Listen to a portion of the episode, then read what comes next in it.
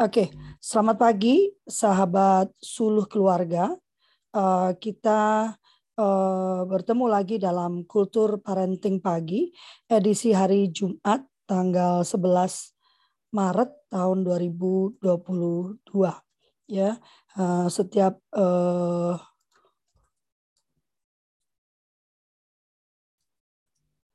uh, setiap hari Jumat judulnya Thank God It's Friday Hari ini memang uh, saya minggu bulan ini agak-agak banyak karena banyak pembicara yang tiba-tiba tidak bisa uh, apa tidak bisa hadir ya membatalkan. Jadi ya uh, kebanyakan ya yang menjadi yang jadi apa yang jadi bumper ya saya sendiri ya uh, karena sahabat-sahabat uh, apa sahabat-sahabat sudah pada sibuk ya. Hai Kak Ima. Hai Kak Lovely.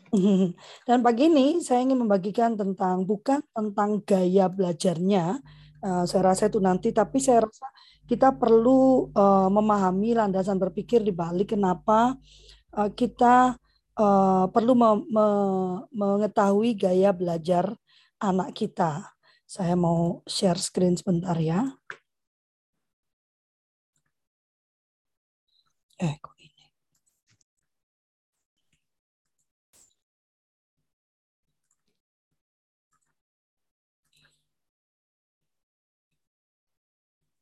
Pagi Kak Sadatul Huria. Oke.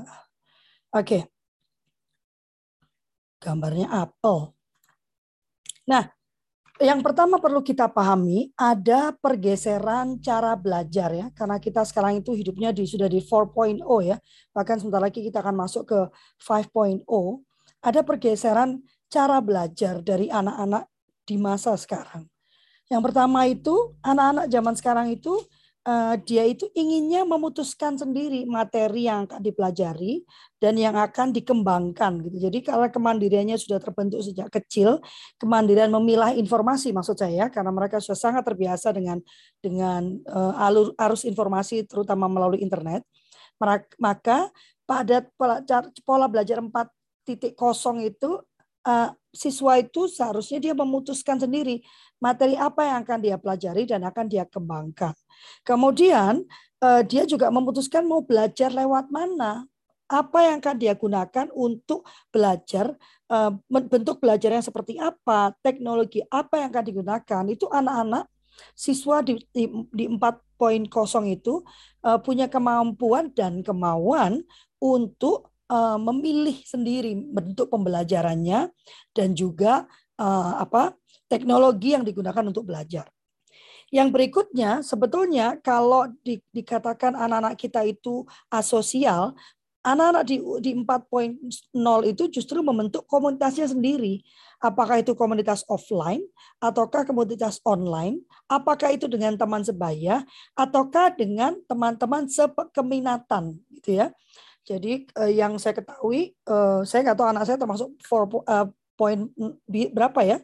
Uh, tapi yang saya ketahui mereka memang di setiap bentuk pembelajarannya, di setiap bentuk keminatannya, mereka punya kelompok-kelompok yang berbeda. Jadi tidak berada di satu uh, tempat gitu ya.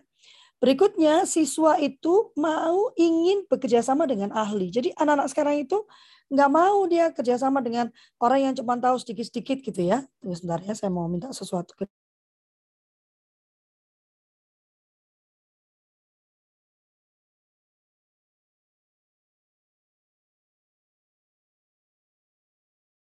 Ya, ada yang mau saya minta ke Deli jadi tadi.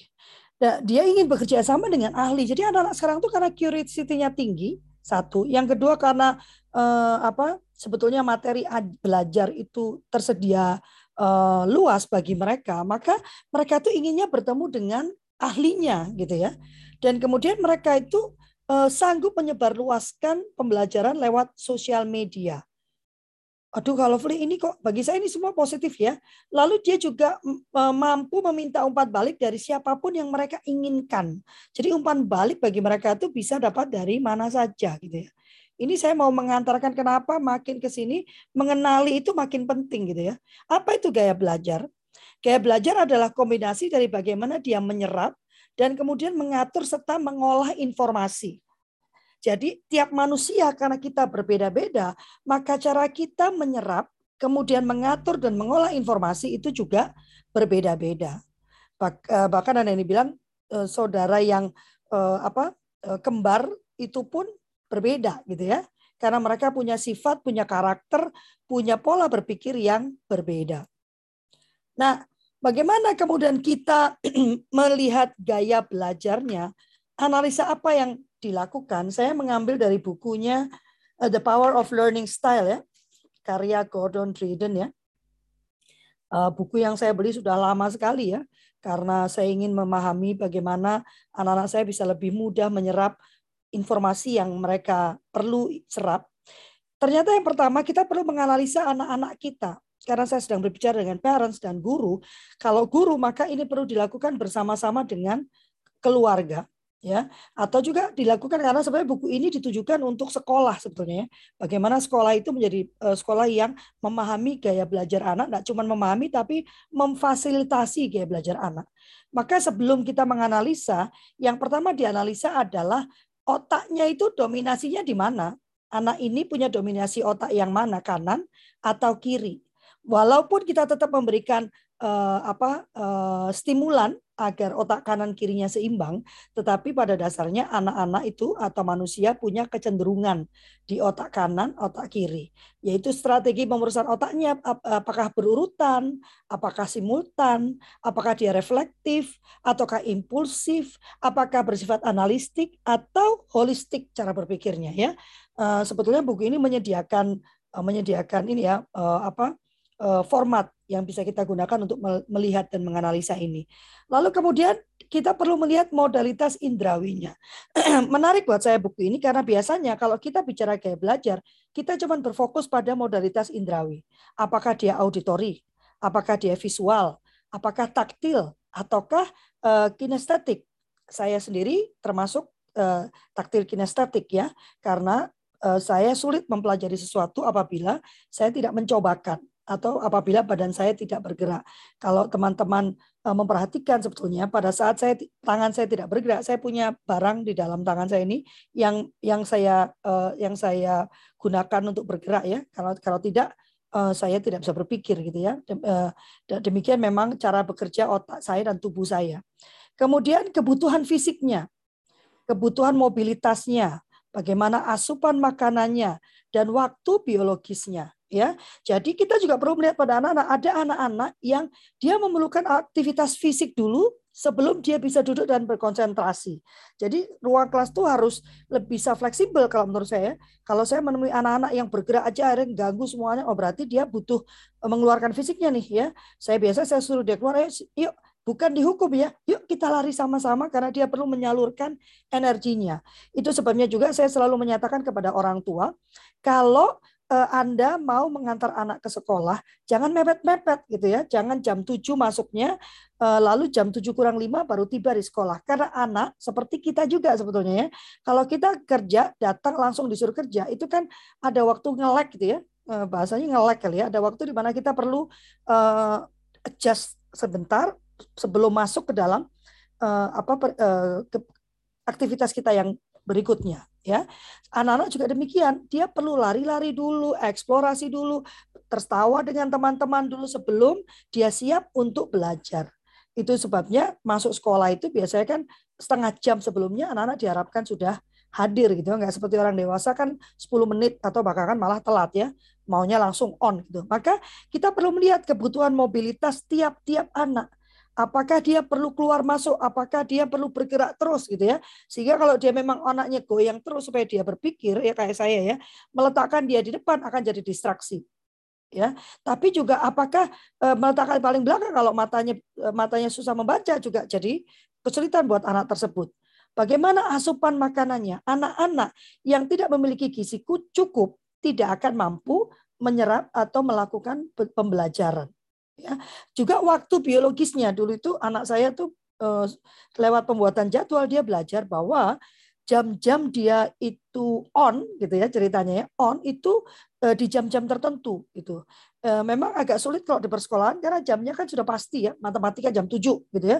Bahasa Indonesia bahasa Inggris jam 3 gitu ya.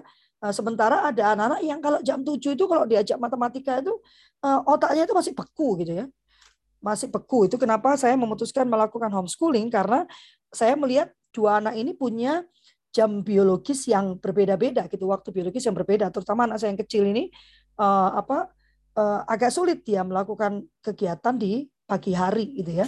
Dia lebih senang melakukan kegiatan dimulai dari di siang hari. Loh, berarti dia malas dong kak? Ya enggak, itu adalah jam biologis dia. Disebut malas karena kita semua uh, membuat kaku jam jam kerja itu dimulai dari jam 7 pagi.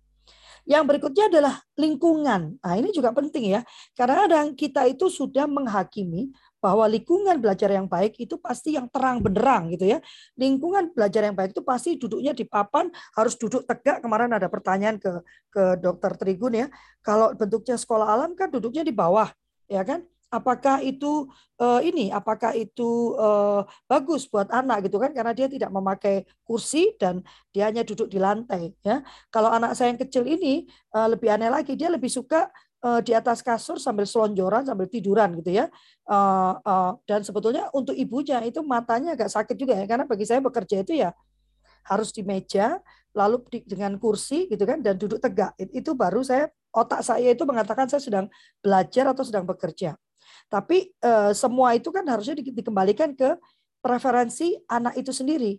Bagaimana suaranya? Ada anak yang sangat butuh ketenangan waktu belajar misalnya ya. Tapi ada juga anak yang untuk berkonsentrasi dia butuh suara background. Jadi ada anak yang dia justru lebih nyaman belajar di tengah orang-orang pada heboh, ribut, ya. Ada anak yang eh, nggak bisa konsentrasi kalau banyak orang yang bicara ya. Dan ini yang perlu diperhatikan. Bagaimana dengan suhunya? Saya ini uh, saya tuh memang senang bekerja di kafe ya karena saya senang mata saya memandang uh, pemandangan gitu dan saya ini pembosan gitu ya. Saya senang duduk di satu tempat yang baru lalu justru di situ nanti semua pikiran saya mengalir gitu ya. Tapi masalahnya saya ini nggak tahan panas gitu ya.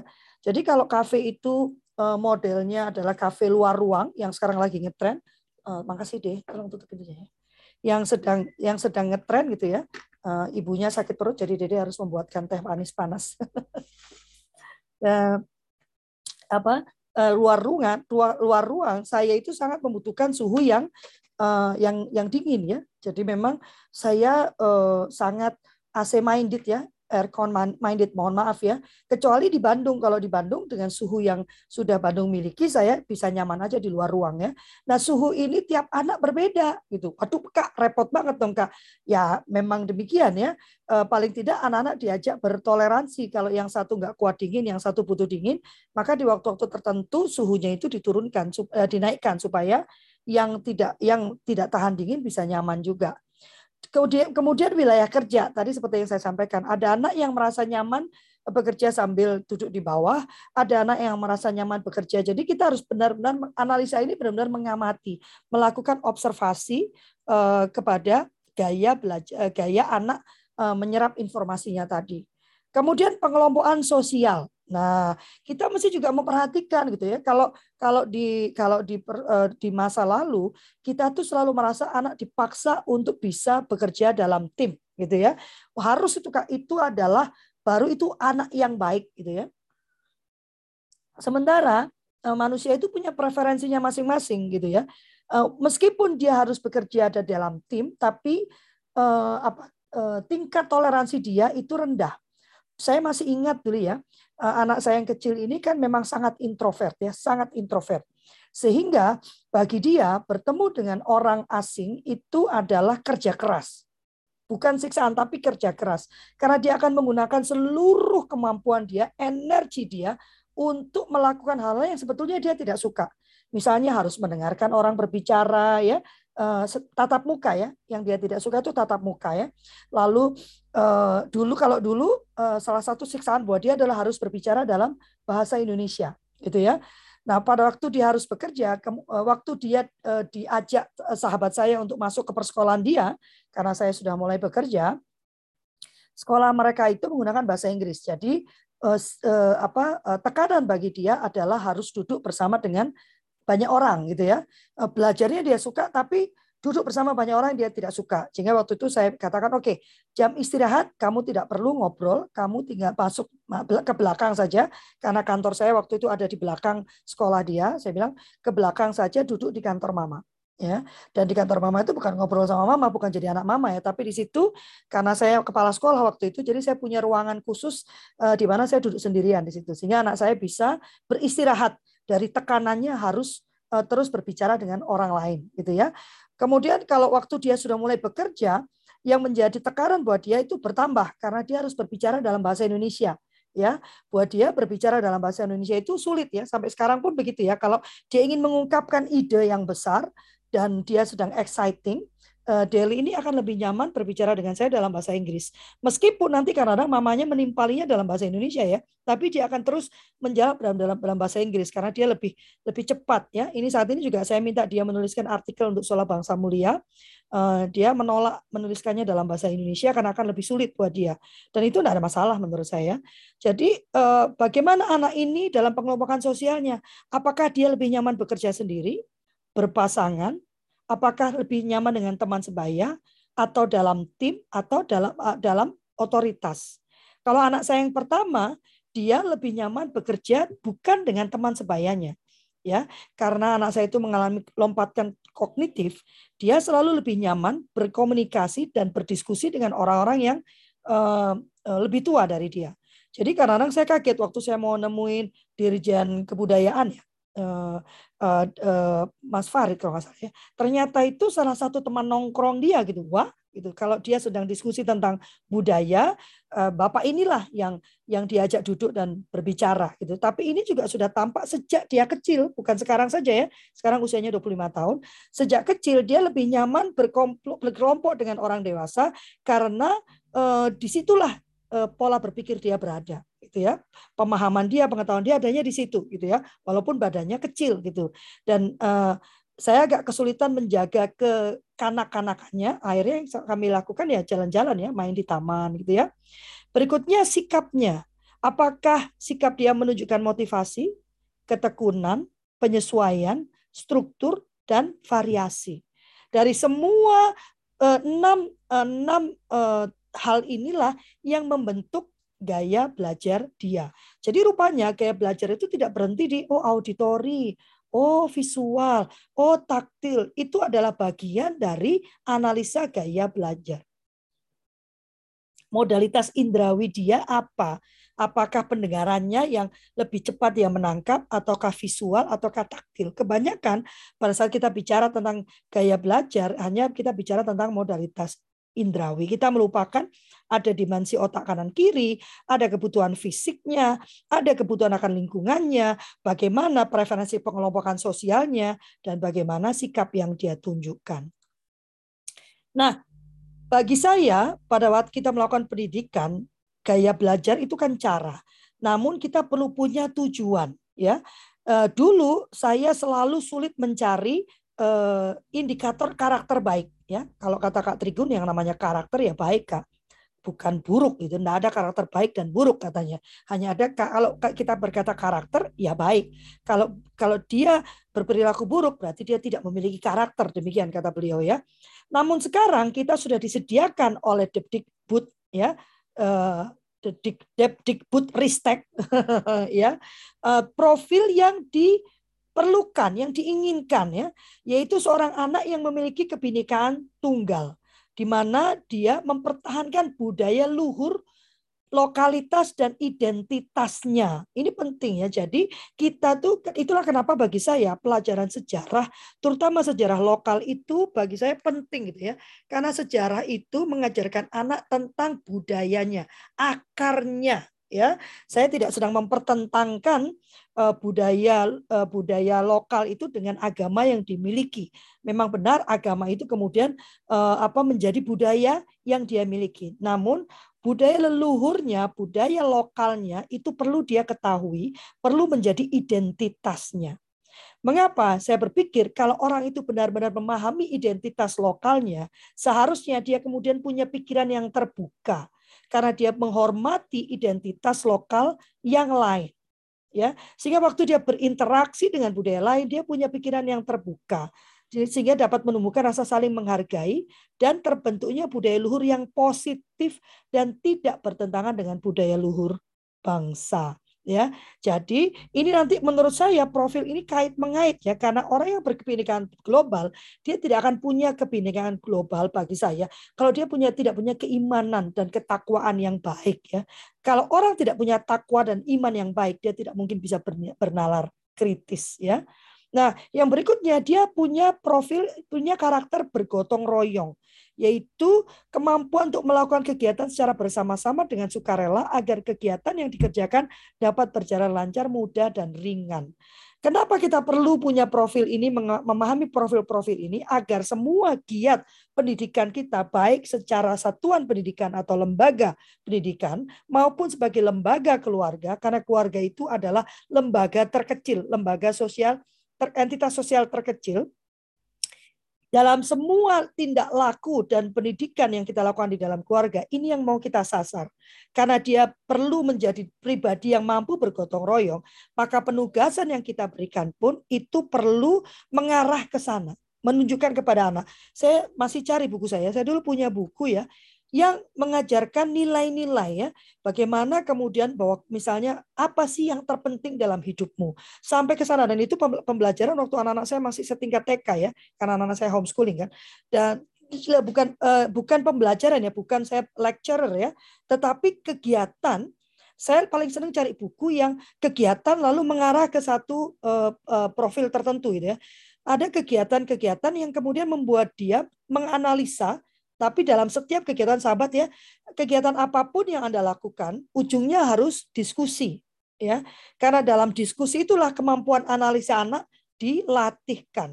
Dan dalam diskusi itu kemudian dia menyimpulkan bahwa yang terpenting dalam hidup ini adalah keluarga, bukan pekerjaannya, bukan uh, bukan teman-temannya tetapi keluarganya lah. Mengapa? Nah, ini yang mesti didiskusikan. Kalau kita mau keluarga menjadi yang terpenting bagi anak-anak, maka keluarga itu harus menjadi safe haven buat anak-anak. Tempat di mana dia bisa dia merasakan penerimaan yang uh, total dan tanpa syarat. Lalu pelajar itu juga harus kreatif. Dia bisa memodifikasi dan menghasilkan sesuatu yang orisinal, bermakna, bermanfaat, dan berdampak. Sahabat, dia tidak akan bisa kreatif pada saat dia belum memiliki literasi yang baik. ya. Jadi memang bagi saya semua ini memang gabung menggabung ya. Ada tiga tadi yang sudah kita bicarakan. Punya kebinekaan yang global, dia bergotong royong, dan kreatif. Dan berikutnya sebetulnya ini yang pertama tapi peletakannya keliru kali ya. Dia harus beriman dan bertakwa kepada Tuhan yang Maha Esa dan berakhlak mulia. Ya, yaitu punya hubungan dengan Tuhan yang Maha Esa. Jadi tidak cuma beriman dan bertakwa artinya patuh, tapi dia punya hubungan ya dengan Tuhan yang Maha Esa. Apa pun agama yang Anda pilih ataupun kepercayaan yang Anda miliki, dia punya hubungan dengan Tuhannya, ya, dengan penciptanya.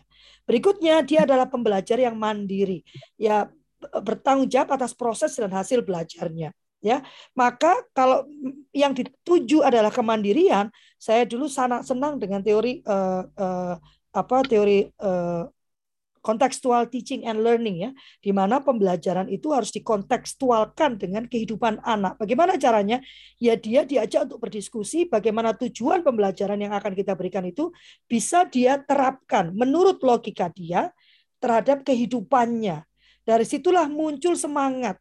Bagi saya banyak anak-anak yang kemudian dicap malas belajar itu karena dia tidak tahu buat apa sih saya melakukan ini? Kebanyakan anak kalau ditanya kenapa mesti sekolah tiap hari daripada mama ngomel, ya kan? Daripada dia harus di rumah dan mendengarkan ocehan ibunya marah-marah, ya sudahlah berangkat sajalah. Dan dan remaja anak yang datang dengan dengan e, latar belakang seperti itu, dia akan kesulitan uh, melakukan pembelajarannya, menyerap informasi yang diberikan oleh uh, pendidiknya, ya. Yang berikutnya dia punya nalar kritis, yaitu secara objektif memproses informasi, baik kualitatif maupun kuantitatif, membangun keterkaitan antara berbagai informasi, menganalisa informasi, mengevaluasi, dan menyimpulkannya. Bernalar kritis ada beberapa sahabat yang menganggap bernalar kritis itu baru bisa dilakukan di level SMA. Menurut saya dan yang saya kerjakan, bernalar kritis kita mulai dari awal. Salah satu syarat kalau teman-teman yang ikut Suluh Madya, saya sudah pernah uh, ada satu topik uh, bahasan di sana, judulnya adalah berpikir kritis analitis ya. Salah satu syaratnya adalah kemerdekaan ya. Uh, pada anak yang punya uh, kemerdekaan untuk mengungkapkan pendapatnya, dia lebih bisa melatih otaknya untuk menganalisa dan berpikir kritis analitis. Ya, dia tidak akan punya kemampuan menganalisa kalau yang dilakukan pembiasan yang dilakukan adalah patuh, ya, uh, patuh tanpa syarat, gitu ya. Jadi pokoknya kerjakan. Ini kata mama. Maka otaknya tidak terbiasa untuk menganalisa. Bahayanya dari itu adalah dia akan mengikuti otoritas mana pun yang dia temui di dalam hidupnya. Jadi setiap hidupnya perlu otoritas yang memberitahu dia apa yang dilakukan. Karena dia tidak mampu berpikir sendiri harus melakukan apa. Inilah yang kemudian eh, teman-teman sering eh, sering eh, apa mengeluh anak saya tidak punya inisiatif gitu ya. Karena dia kemudian memutuskan untuk tidak berinisiatif. Mengapa? Percuma inisiatifnya tidak akan dihargai atau akan mengakibatkan ibunya marah. Ya, jadi ini yang perlu kita pertimbangkan. Ya, lalu bagaimana setelah pengajar atau ini harusnya saya ubah jadi pendidik ya karena ini juga bisa dilakukan untuk orang tua ya. Mereka yang sudah memahami kerja otak dan sudah melakukan analisa tadi maka yang dilakukan dia adalah memanfaatkan kekuatan gaya belajar mereka secara mandiri demi kepentingan mereka sendiri ketika belajar jadi anak-anak yang orang-orang orang uh, pendidik yang memahami cara kerja otak itu sebabnya banyak sekali sekarang ilmu-ilmu tentang cara kerja otak. Dia kemudian akan memanfaatkan, mengajarkan anak bukan dia yang memanfaatkan ya, tapi dia mengajarkan anak untuk mengenali dulu gaya belajar dia itu apa, lalu memanfaatkan kekuatan itu, teman sahabat ya. Jadi eh, mengenali anak itu bukan untuk mengubah dia, tapi mengajarkan dia untuk mengenali kekuatannya, siapa dirinya, sehingga dia tahu bagaimana memanfaatkan kekuatan itu agar mendapatkan kebaikan buat dirinya juga. Ya, kalau tahu dia bela cara belajarnya memang bermusik ya, bagaimana caranya dia bisa me me menciptakan lingkungan dia sendiri agar dia bisa uh, belajar dengan baik gitu ya. Uh, kalau di rumah kami karena uh, dulu waktu saya kecil karena nenek saya itu tidak terlalu suka waktu masih muda ya. Setelah tua, uh, setelah beliau itu tua masuk masa pensiun uh, karena pendengarannya berkurang, semua di rumah kami waktu itu jadi keras banget ya. TV kenceng banget gitu. Padahal waktu Ibu saya ya. Kakak, Ibu berangkat ya.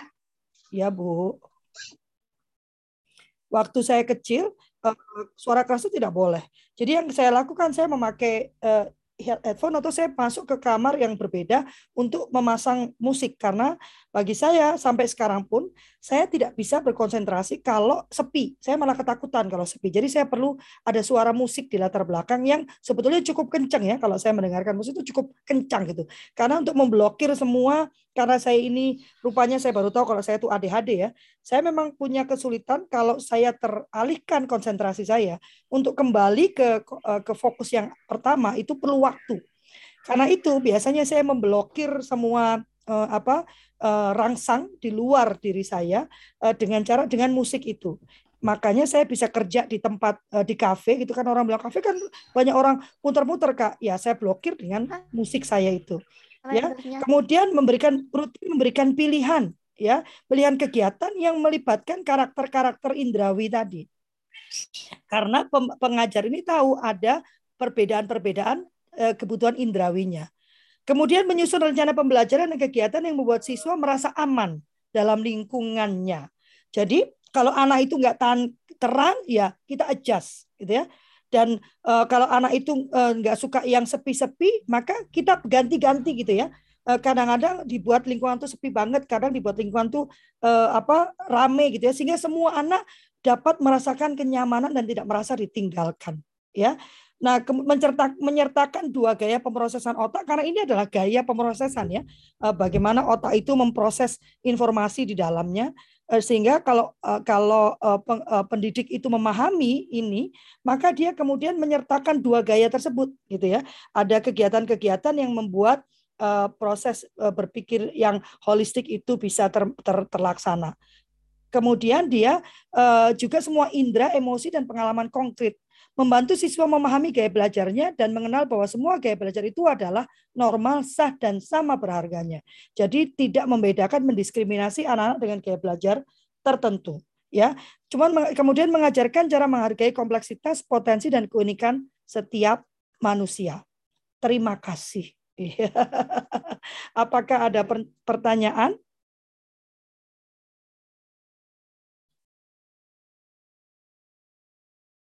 Wah, ini sulitnya kalau kalau sendirian ya. Jadi uh, saya harus mengelola semuanya sendirian. Ah, Kak Fatima sudah membuka ini, silakan. Iya. Uh, bungsu saya itu kalau belajar itu sukanya ndelosor gitu ya sambil mendengarkan musik. Nah, itu kalau siang. Tapi kalau malam dia suka yang sepi gitu. Biasanya belajarnya jam 2 gitu. Hmm. Jam 2 sampai jam 4. Nah, cuman kalau lagi masuk ke sekolah kan ya resikonya ngantuk. Iya. yeah. Nah, apakah itu bisa di, di apa ya istilahnya? Apa, memang memang harus dituruti seperti itu atau mungkin ada penyesuaian-penyesuaian agar ya karena itu untuk menghindari ngantuk di sekolahnya itu. Ya. Ini kalau pendapat saya personal ya Kak Fatima ya. Uh, Indonesia itu punya tiga jalur pendidikan. Formal, non formal, dan informal. Ya, eh, bagi saya tiga jalur pendidikan itu bukan untuk saling bersaling, bersaing, sorry, saling bersaing, kok jadi ini ya, eh, tapi untuk memberikan layanan bagi beragam eh, situasi dan kondisi anak. Beragam situasi kondisi itu bisa ekonomi, bisa fisik, bisa psikologis, ya bagi saya.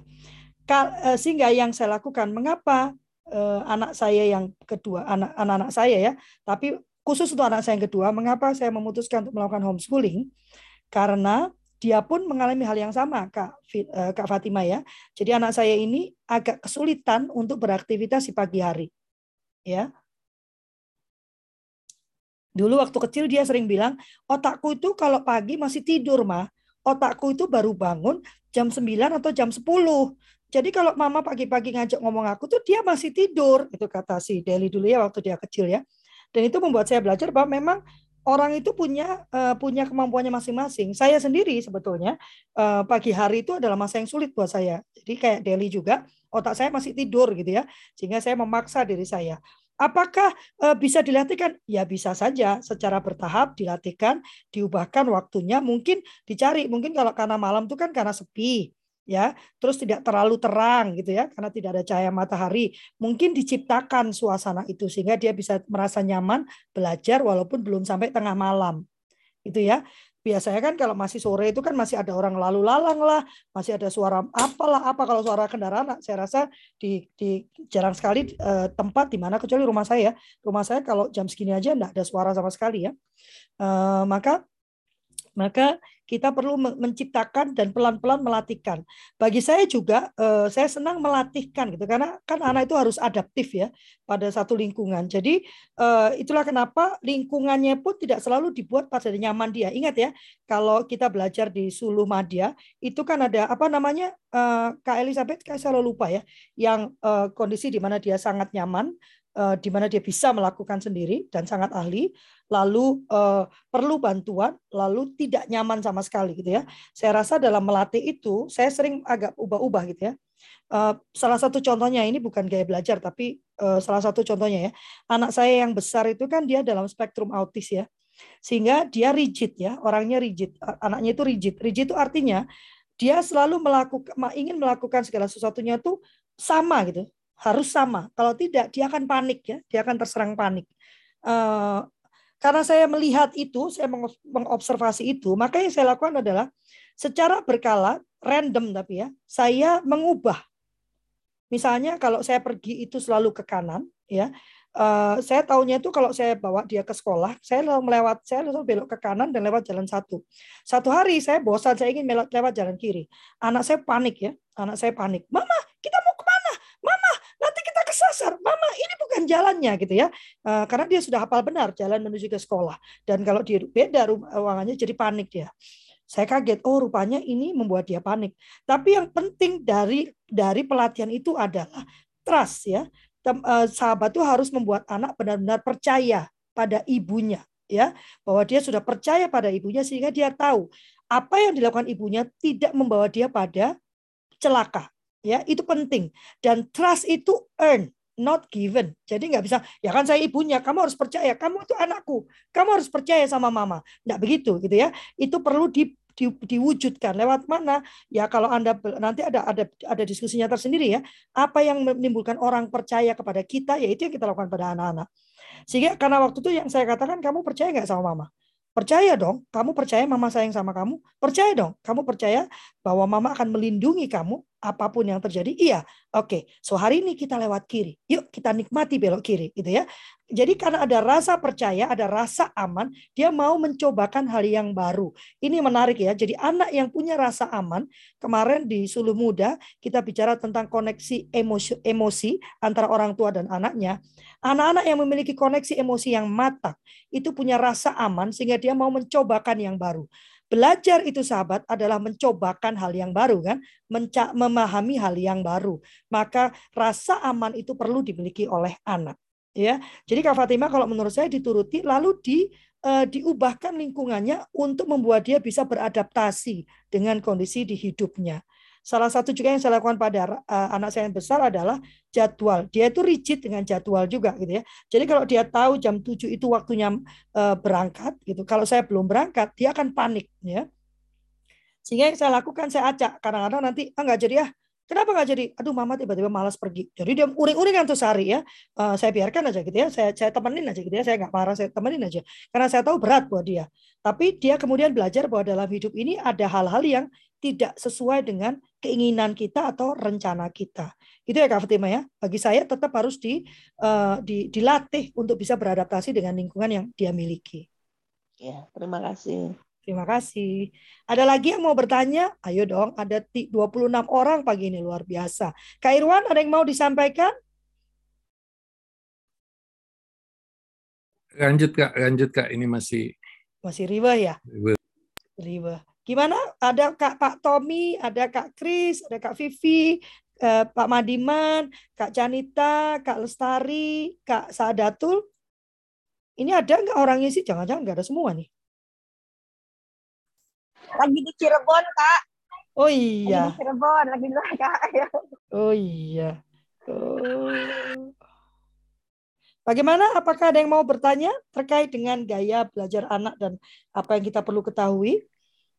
Dan mengapa kita perlu mengetahui gaya belajar anak? Kak Ambar? Kak Feni? Kak Elizabeth? Biasanya Kak Elizabeth nih. Kak Sofian? Kak Titin? Wah, Kak Titin ini eh, Kak Nah, Kak Pak Sofyan, oh dia sudah buka. Takutnya dia nanti marah lagi sama saya tutup kamera. Silakan Terima Kak. kasih uh, Kak Lovely gitu dan teman-teman ini mah cuma hanya sharing saja gitu kan yang tadi sudah disampaikan oleh Kak Lovely. Memang ini uh, uh, untuk apa? Untuk goalnya itu nanti akan kita akan pemuda apa profil uh, pemuda pelajar Pancasila Cuma nanti eh, bagi di kita di gurunya itu akan mengalami berbagai macam eh, apa eh, penilaiannya itu sangat besar sekali. Kita ada fase-fase nih. Jadi eh, ada fase-fasenya, ada fase A sampai fase F. Hmm. Jadi nanti fase A itu sampai fase eh, D itu gitu. Itu untuk eh, jenjang bawah dan seterusnya ke atas. Nah ini nanti kalau kita mah dulu zamannya ini dulu apa dalam kelas akselerasi ya gitu. Hmm. Nanti ini lebih lebih seru banget teman-teman semua. Cuman ada yang menarik gitu mengenai gaya belajar tadi. Eh, tadi udah disampaikan juga mengenai gaya belajar itu bisa macam-macam ya. Ada yang harus mendengarkan musik, ada yang sepi, ada yang ada yang apa eh, rame dan sebagainya. Tapi kalau misalkan untuk saya sendiri mah lebih senang sepi gitu kan ya, lebih enak gitu kan dibandingin yang rame. Cuman eh, ada berbagai hal yang untuk di anak tadi gitu kan. Kalau misalkan untuk eh, yang paling seru adalah eh, kita belum eh, apa memilah-milah anak ini mau cocoknya di eh, lebih seneng belajar secara audio atau secara visual gitu. Ini harusnya diletakkan di uh, level sekolah dasar sih sebenarnya. Kalau untuk ke SMA atau misalkan ke jenjang yang lebih tinggi gitu, itu akan lebih kerepotan di kitanya. Di keluarga juga akan kerepotan karena tidak tahu. Padahal ini adalah golden age itu di SD. Ini jangan sampai uh, apa? Jangan sampai lepas ini uh, teman-teman semua. Nanti mungkin lebih banyak ada dari Kak Trigun, Dokter Bagus dan teman teman-teman semua yang di sini gitu kan yang lebih berpengalaman untuk me membuat uh, pertama kalau misalkan untuk anak SD itu lebih seneng uh, pertama kalau yang kelas bawah itu dia lebih seneng apa uh, gambar dan suara. Kita selalu uh, gambar dan suara seperti gambar kartun gitu kan dan sebagainya. Terus ke SMA itu sudah terlihat nih. Ke SMA itu sudah terlihat uh, perbedaannya. Kalau yang seneng dengan uh, apa uh, dengan seneng dengan belajar waktu di SD sudah dikelompokkan itu kalau misalkan di apa di uh, disuruh gurunya itu dia akan lebih beda. Dia akan lebih beda tulisannya pun akan lebih beda. Dia lebih halus pelan pelan banget gitu kan. Biasanya sih perempuan ini yang halus mah gitu kan. Jadi eh, itu jadi mungkin eh, kalau yang apa teman-teman di sini memiliki anaknya apa putra putrinya di SD mungkin harus di klasifikasikan dulu dia itu senangnya di mana. Kalau misalkan untuk bagaimana kalau anak saya sudah uh, jenjangnya udah ke atas gitu atau menengah gitu kan nggak ada salahnya kita untuk memulai lah. Nggak ada salahnya untuk memulai. Seperti sama nih uh, anak saya juga baru tahu gitu kan uh, di lesin di mana-mana dia banyak penolakan. Di lesin di mana-mana banyak penolakan. Alasannya ada lagi deh. Beginilah begitu. Padahal kita udah keluar uang banyak kan gitu kan. Waduh bilang gitu ini harus ada trik. Apa yang bikin saya tanya ke eh, tempat lesnya atau tempat pengajiannya nggak ada masalah gitu. Kan wah ini pasti beda. Akhirnya saya coba eh, sekarang itu lesnya secara virtual. Dia lebih senang dia nunggu nungguin itu les virtual.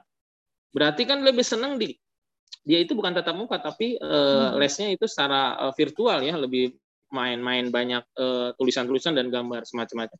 Itu eh, mungkin uh, sharing itu saja Kak Lovely gitu kan. Mudah-mudahan kita bisa bisa menempatkan anak kita itu uh, yang lebih banyak mana gitu kan gaya belajarnya. Biarpun suasana sepi tapi kita tidak bisa mengkelompokkan dia ini yang lebih seneng uh, dengar musik atau misalkan lebih visual atau dua-duanya atau multi sekarang lebih sebut lebih hebatnya multitasking dia. Dia sebagai kita lagi ngomong dia main handphone tapi denger dia. Yeah. Ya, kita sebel juga sih gitu kan ya. Hmm. Mendengar nggak sih dia bilang gitu kan ya. Kalau misalkan dia lagi diomelin sekarang nggak bikin iya iya iya sekarang mah gitu kan. Mm-mm. Dia hmm gimana hmm hmm gitu kan. itu mungkin udah mulai agak beda. Mungkin itu saja kalau Fli. Terima kasih teman-teman. Ya luar biasa kak. Memang sebetulnya ya uh, uh, sekarang ini banyak anak yang audiovisual. Mengapa? Itu sebenarnya dosa kita ya karena sejak awal sudah kita perkenalkan dengan gadget. Ini saya sedang sedang berjuang keras ya sebetulnya saya selalu mengatakan yang sama. Sayangnya kemarin pun waktu saya bertemu dengan satu orang tua karena dia mau berbicara tentang satu hal, eh, begitu duduk anaknya duduk dengan eh, pengasuhnya dan langsung menghadap tab ya. Saya bilang waduh ini mas ilmu parenting di mana pun ini nggak boleh gitu kan anak menonton gadget di dalam gadget gitu ya. Uh, dan itu yang membuat anak dan yang pernah saya baca dulu memang uh, audiovisual itu uh, film itu akan merusak kemauan dia untuk melakukan pembelajaran secara visual. Pembelajaran secara visual itu apakah membaca. Anak-anak yang sejak kecil sudah menonton YouTube ya, dia akan sulit sekali diajak membaca. Mengapa? Karena membaca itu tidak bergerak, tidak menarik karena dia sudah terpapar dengan cahaya, warna-warna yang beragam, suara. Jadi uh, apa uh, kalau dia diminta untuk ke ke eh, matanya saja dia nggak mau gitu kan. Sementara yang pernah saya baca, membaca itu melatih kreativitas. Mengapa? Karena uh, misalnya gini ya, dia sedang berbicara. Bagaimana mereka berbicara? Bagaimana uh, gambaran orang yang berbicara dengan penuh kasih atau dengan kemarahan itu semuanya tergantung pada pemahaman sendiri kita sendiri. Jadi kalau dulu kalau ada film yang uh, diangkat dari buku ya, salah satu prasyarat yang kami berikan saya dengan bapaknya anak-anak adalah membaca dulu. Jadi bukunya dikasih dulu, baca, itu filmnya akan rilis di bulan ini. Kamu baca dulu, kita diskusi, lalu nanti kita nonton. Tapi kalau bacaannya nggak selesai, kita nggak nonton, gitu ya. Jadi setelah membaca, baru nonton dan kita diskusi. Apa yang menurut kamu kurang tepat penggambarannya? Mana yang menurut kamu hilang dan sehingga anak-anak selalu beranggapan ah lebih baik baca mah karena banyak esensi-esensi yang penting menurut saya di dalam buku itu yang tidak terwakilkan di film. Jadi teman-teman, film itu walaupun itu tentang satu buku, film itu sudah merupakan persepsi ya, kesimpulan persepsi dari sutradara dan penulisnya. Sehingga kita eh, ini sama dengan kalau buku pelajaran, saya tuh tidak pernah ngasih anak-anak buku paket ya. Karena buku, buku paket itu kan rangkuman dari ilmu. Jadi anak-anak kita cuma dapat rangkumannya. Dan itu yang membuat dia tidak punya eagerness ya, curiosity yang cukup. Ya. Tapi kalau dia mendapatkan ilmunya, dia punya curiosity yang besar. Itulah sebabnya bagi saya ya, kenapa anak-anak sekarang banyak visual, eh, audio visual, karena kitanya sejak kecil sudah memperkenalkan terhadap eh, eh, video-video tersebut ya. Anak-anak saya yang yang besar itu audio visual. Kalau Deli ini visual ya, dia lebih suka dia lebih cepat kalau dia membaca. Kalau yang besar tuh dia cepat sekali kalau dia menonton contoh-contohnya ya. Dulu saya ingat sekali dia belajar bahasa pun lewat YouTube YouTube dia enggak enggak pakai les ya. Jadi bagaimana dengan anak yang besar? Saya rasa nanti saya akan coba cek ya apa form yang dipakai di learning style ini anak-anak bisa mengidentifikasi dirinya sendiri kalau sudah besar ya. Bahkan SMP menurut saya kita bisa bersama-sama mengajak anak mengidentifikasi dirinya sendiri dengan pertanyaan-pertanyaan yang terpadu terpandu ya. Misalnya tentang lingkungan belajar. Kamu tuh sebetulnya lebih nyaman yang terang atau yang redup sih gitu ya. Ada anak yang sukanya pakai lampu kuning ya uh, waktu belajar. Kita bilang, aduh itu matanya rusak. Walaupun tetap kita berikan pemahaman tentang cahaya yang cukup diperlukan oleh mata secara medis ya, secara keilmuan ya, uh, untuk men, men, uh, untuk membaca. Satu trik yang saya miliki, saya kalau ingin berdebat dengan anak-anak itu uh, saya biasakan menggunakan referensi. Jadi kalau saya mau mengubah kebiasaan dia, salah satu kebiasaan dia, saya mau mengajak dia berdiskusi dengan kebiasaan tersebut, saya biasanya cari referensi dulu. Baru kemudian saya sampaikan berdasarkan referensi. Jadi bukan apa kata mama, bukan apa pendapat mama, tapi referensinya berkata demikian loh. Bahwa membaca itu kalau di tempat yang gelap, itu akan merusak mata karena cahaya yang masuk ke retina itu ternyata kurang sehingga mata itu bekerja dua kali lebih keras dan itu membuat otot-ototnya cepat kendur. Oh, gitu ya, Ma. Iya, itu sebabnya kamu perlu cahaya yang cukup. Nah, gitu ya. Jadi bukan bukan kita ngomel-ngomel dan itu ternyata membuat mereka melihat ini bukan masalah oto, bukan otoriter ini ya, tapi ini demi kepentingan bersama. Jadi jangan khawatir ya, tapi memang perlu disepakati bahwa memahami gaya belajar itu penting gitu. Tidak ada kata terlambat bahkan bagi kita sendiri pun gitu ya, karena gaya belajar itu juga menjadi gaya bekerja kita ya dulu waktu saya masih bekerja bos saya memberi saya izin untuk ewol ya satu hari tidak muncul di di kantor karena saya perlu duduk di kalau dulu cuma adanya uh, satu kafe ya uh, kalau sekarang banyak kafe kan kali saya perlu duduk di kafe itu dan semua penugasan administratif yang perlu saya kerjakan bahkan penulisan konsep akan selesai dalam satu hari kalau saya duduk di kafe. Jadi memang diberi uh, uh, dispensasi oleh beliau dalam satu minggu saya boleh menghilang satu hari untuk menyelesaikan semua itu. Nah, kalau kita sudah memahami gaya belajar kita dan kemudian gaya bekerja kita, maka kita bisa menjadi lebih efektif dan efisien gitu ya. Walaupun uh, kalau jadi uh, pegawai kan sulit agak sulit ya mengikuti gaya kita. Tapi kita bisa kan kalau kita butuh suara gitu ya atau kita butuh keheningan ya kita bisa pakai pakai uh, earplug misalnya ya. Tapi meletakkan handphone di depan jadi kalau ada yang manggil dan kita sebagai teman juga perlu tahu gitu ya ini memahami gaya belajar kita membuat kita paham gaya belajar atau gaya bekerja orang lain jadi bagi saya mengenali diri kita, mengetahui bahwa kita punya hak untuk dihormati, membuat kita juga tahu bahwa kita perlu menghormati hak orang lain dengan gayanya sendiri. Tadi kebinekaan yang global tadi ya. Ada pertanyaan lain kah sebelum saya tutup? Sudah jam 8.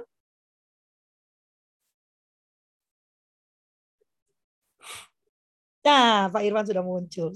Pak Irwan mau menyampaikan sesuatu? Lagi, itu wajah kenapa capek banget itu? Lagi cari ini ya uh, biasa ada kerjaan uh, boleh share screen enggak Uh, Kak Deli boleh di uh, co co hostkan Kak Irwan? Sebentar Oh. ya. Oh enggak. Ya. Silakan Kak Irwan. Makasih, mudah-mudahan bisa ya. Ini tadi saya sebetulnya waktu Kak Rafli cerita itu juga ya banyak yang dikerjakan multitasking bukan multifokus. Jadi pas gitu tanya eh kaget dipanggil nama kan langsung kaget gitu ya. Sebetulnya saya sedang mencari eh, eh, assessment eh, gaya belajar gitu ya. Ada ada learning style inventory, tapi nggak dapat nggak dapat. Eh, tapi saya dapat dari yang disiapkan oleh senior saya. Ini coba saya share screen gini nanti boleh saya bagikan ini dari senior yang baik juga. Wah, luar biasa. Jadi ada cara belajarku gitu kan. Dia prepare sebetulnya dengan kalau Kak tadi kan eh, dengan pengalaman gitu ya. Eh, tapi kok ini kan ada kisi-kisi gitu ya. Ini ada ada ada ada kita bisa buatkan aja sendiri nanti ya. Tapi intinya itu ada pertanyaan-pertanyaan gitu. Ini ada ada 30 pertanyaan kan. Saya adalah orang yang rapi teratur. Saya dia jawab ya atau tidak saja gitu kan. Nanti kita masukkan ke scoring ini gitu. Kita masukkan ke scoring ini. Nah, nanti jumlahnya berapa gitu kan? Jumlahnya berapa? Nah, nanti kita akan ketahuan sebetulnya yang bersangkutan itu lebih visual, visual, auditory atau kinestetik gitu kan. Dan di sini ada sedikit tambahan. Nah, kalau visual itu apa sih sebetulnya? Kalau auditorial itu apa yang kinestetik apa? Nanti boleh saya share eh, ke Kak Rafli untuk dibagikan. Terima kasih. Siap. Sebetulnya kakak kan ada di seluruh keluarga, bisa di-share langsung di seluruh keluarga. Oh iya, nanti saya share itu dari Lupa dari senior yang baik hati itu Mas Yono. Iya, Eh, jadi saya mau disclaimer dulu ya. Jadi tadi itu buka, berdasar bukan berdasarkan pengalaman, tapi saya memakai buku ini, eh, Pak. Tunggu tunggu, saya buka ininya supaya kelihatan Kak. Nanti mungkin Kak Irwan juga bisa ini ya. Tapi ini buku saya beli lama sekali karena waktu itu saya sedang mencoba memahami gaya anak saya ya. Oh iya, betul. Iya, Eh, jadi eh, eh, saya beli buku ini sudah sudah lama sekali ya, sudah bertahun yang lalu eh, dan saya coba gunakan gitu kan untuk anak-anak saya. Dan itu Hmm. tadi eh, kenapa saya berpikir mema- memakai buku ini Kak Irwan? Karena di buku ini tidak hanya bicara tentang tadi kebutuhan indrawi tadi visual, auditori gitu ya. Betul, Dia betul. juga mem- mempertimbangkan eh, tadi kebutuhan kebutuhan lingkungannya, eh, cara Ya, otak ya. kanan kirinya bekerja gitu ya. Yang yang saya kata yang saya katakan tadi yang saya cari eh, inventory learning style itu iya. yang itu. Jadi apakah dia reflektif atau dia apa kan Iya, orang suka yang diem gitu kan. iya. Tapi tapi ada orang yang suka dengan diskusi gitu kan. Ya, Nah, kayak saya nih. gitu. Ya. Nah itu itu ada ada kuesioner yang saya cari kok nggak ketemu. Nanti saya coba deh, karena di Itu, buku ini sebenarnya disediakan Kak Irwan. Nanti coba saya baca lagi ya. ya ya. Jadi di buku ini disediakan ininya. Nanti saya coba, tapi saya nggak akan sebarkan dulu. Saya mau ngobrol dengan Kak Irwan dulu. Karena Ya. kan saya bukan psikolog ya. Itu Kak Vivi udah acung-acung itu. Iya, silakan Kak Vivi. Eh, hanya sharing sedikit kak. Memang gaya belajar itu harus kita orang tua tahu. Kalau nggak stres sendiri. Seperti yang kecil itu adalah gaya belajarnya audio kinestetik. Hmm. Jadi pada saat dia do omit eh, pelajaran itu dia main game. Hmm. Dia main game. Itu main, main game kemudian saya tes. Nah kebetulan gurunya tanya ada pertanyaan yang harus dia jawab. Nah, kemudian saya dengarkan aja dari belakang itu, dia bisa jawab dengan benar. Nah, ini saya pikir, saya bilang gini, oh berarti memang dia nggak perlu saya hentikan kalau dia belajar dengan main game. Karena dia bisa fokus dengan apa yang gurunya katakan dan dia bisa main game. Itu dua, saya multita, uh, multitasking ya. Multitasking ya. Akhirnya sejak saat itu saya agak lega, jadi saya nggak pernah uh, me- ngomel lagi. Kalau dulu Iya. kan ngomel, kamu belajar, kamu sekolah kok yuk pakai main game gitu. Uh, lo aku nih lo dengerin. Eh, mas, ah, ternyata terbukti benar. Jadi saya hanya sharing kalau memang itu kita tahu orang tua tahu bagaimana gaya belajar itu anak, pastinya akan mendapat hasil yang baik. Karena selama kemarin PH pun saya lihat ya angkanya nilainya juga 90 ke atas. Saya bilang ah, ini sudah sebuah prestasi bahwa karena dia disleksia yang awalnya stres banget dengan eh, gaya belajar yang di SD yang di mana harus eh, secara textbook bahwa sekarang puji Tuhan di SMP sudah tidak seperti itu karena literasi sudah digunakan karena guru-gurunya juga baru. Awalnya dia stres harus tulis banyak karena dia tidak bisa menulis. Stresnya kan kesulitan untuk mengungkapkan dalam bahasa tulisan. Dia memang kemampuannya seperti itu. Seiring waktu saya uh, ubah, saya belajarnya sesuai yang dia mau. Saya coba, coba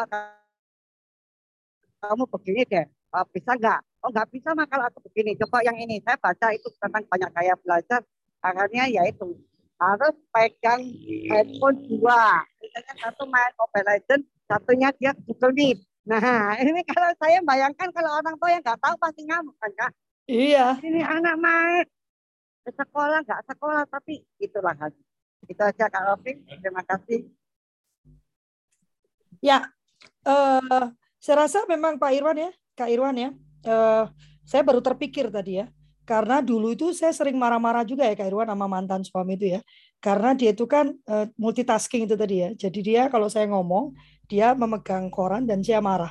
Walaupun itu nanti kalau kita bicara tentang pola apa pola komunikasi itu bukan cara berkomunikasi yang baik ya. Tapi kan pada saat kita berkomunikasi kita tahu bahwa kita perlu saling menatap ya dan mendengarkan dengan atentif ya. Uh, tapi juga dengan begitu kita lebih bisa memahami orang lain kalau tahu gaya belajarnya ya Kak Irwan ya. Oh, memang gaya dia lebih cepat memahami pada saat dia juga uh, mengerjakan hal yang lain gitu. Uh, jadi lebih bisa toleran kali ya Kak Irwan ya uh, disebutnya ya. Karena tahu gaya belajar dan gaya bekerjanya. Gaya belajar itu mempengaruhi gaya bekerja ya dan gaya, gaya kita uh, berperilaku sebenarnya. Jadi itu perlu kita ketahui dan bisa kita latihkan kalau menurut saya gitu ya. Bisa kita latihkan supaya dia menjadi uh, supaya dia menjadi lebih baik lagi dan bisa lebih adaptif kalau buat saya itu yang penting sebenarnya adaptifnya ya. Kalau saya terpaksa harus bekerja di satu ruangan tertentu yang tidak sesuai dengan gaya saya, saya sebagai manusia harus bisa beradaptasi. Itu tetap bisa berfungsi di tempat tersebut. Jam sudah lebih 8 menit. Uh, terima kasih atas uh, apa uh, kehadirannya. Kak Sofian, saya mau minta tolong nih Pak Ahmad ya, Sofian. Jadi kan harusnya hari hari Senin itu Kak Sofian. Hari Jumat itu kan Kak Budi bicara tentang kurikulum merdeka. Kak Budi ternyata hari Jumat itu ada meeting dengan Dikbud. Boleh nggak hari Seninnya Kak Budi, hari Jumatnya Kak Sofian? Oke aja, nanti dikasih tahu oh, aja. Luar biasa. Jadi hari Senin kita akan bertemu dengan Kak Budi. Beliau akan bicara tentang kurikulum merdeka itu apa sih asiknya kurikulum merdeka ya, karena beliau juga sedang menyusun uh, panduan itu. Jadi saya minta ber, ber, ber, berbagi dengan kita. Kemudian hari Rabunya kita ketemu dengan Kak Kristin, nah, ya Kak Kristin.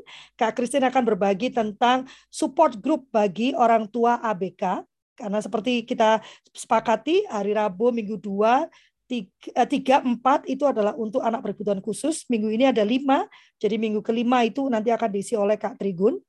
Lalu hari Jumatnya kita akan bertemu dengan Kak Sof, Ahmad Sofian, Pak Sofian untuk bicara tentang kenakalan remaja itu ada nggak sih? Benar nggak sih ada kenakalan remaja? Ataukah itu sebetulnya teriakan minta tolong anak-anak untuk eh, perhatian dari orang tuanya? Ya, terima kasih banyak. Uh, selamat pagi Bu Kandi. Waduh, kita sudah mau tutup Ibu baru muncul ya.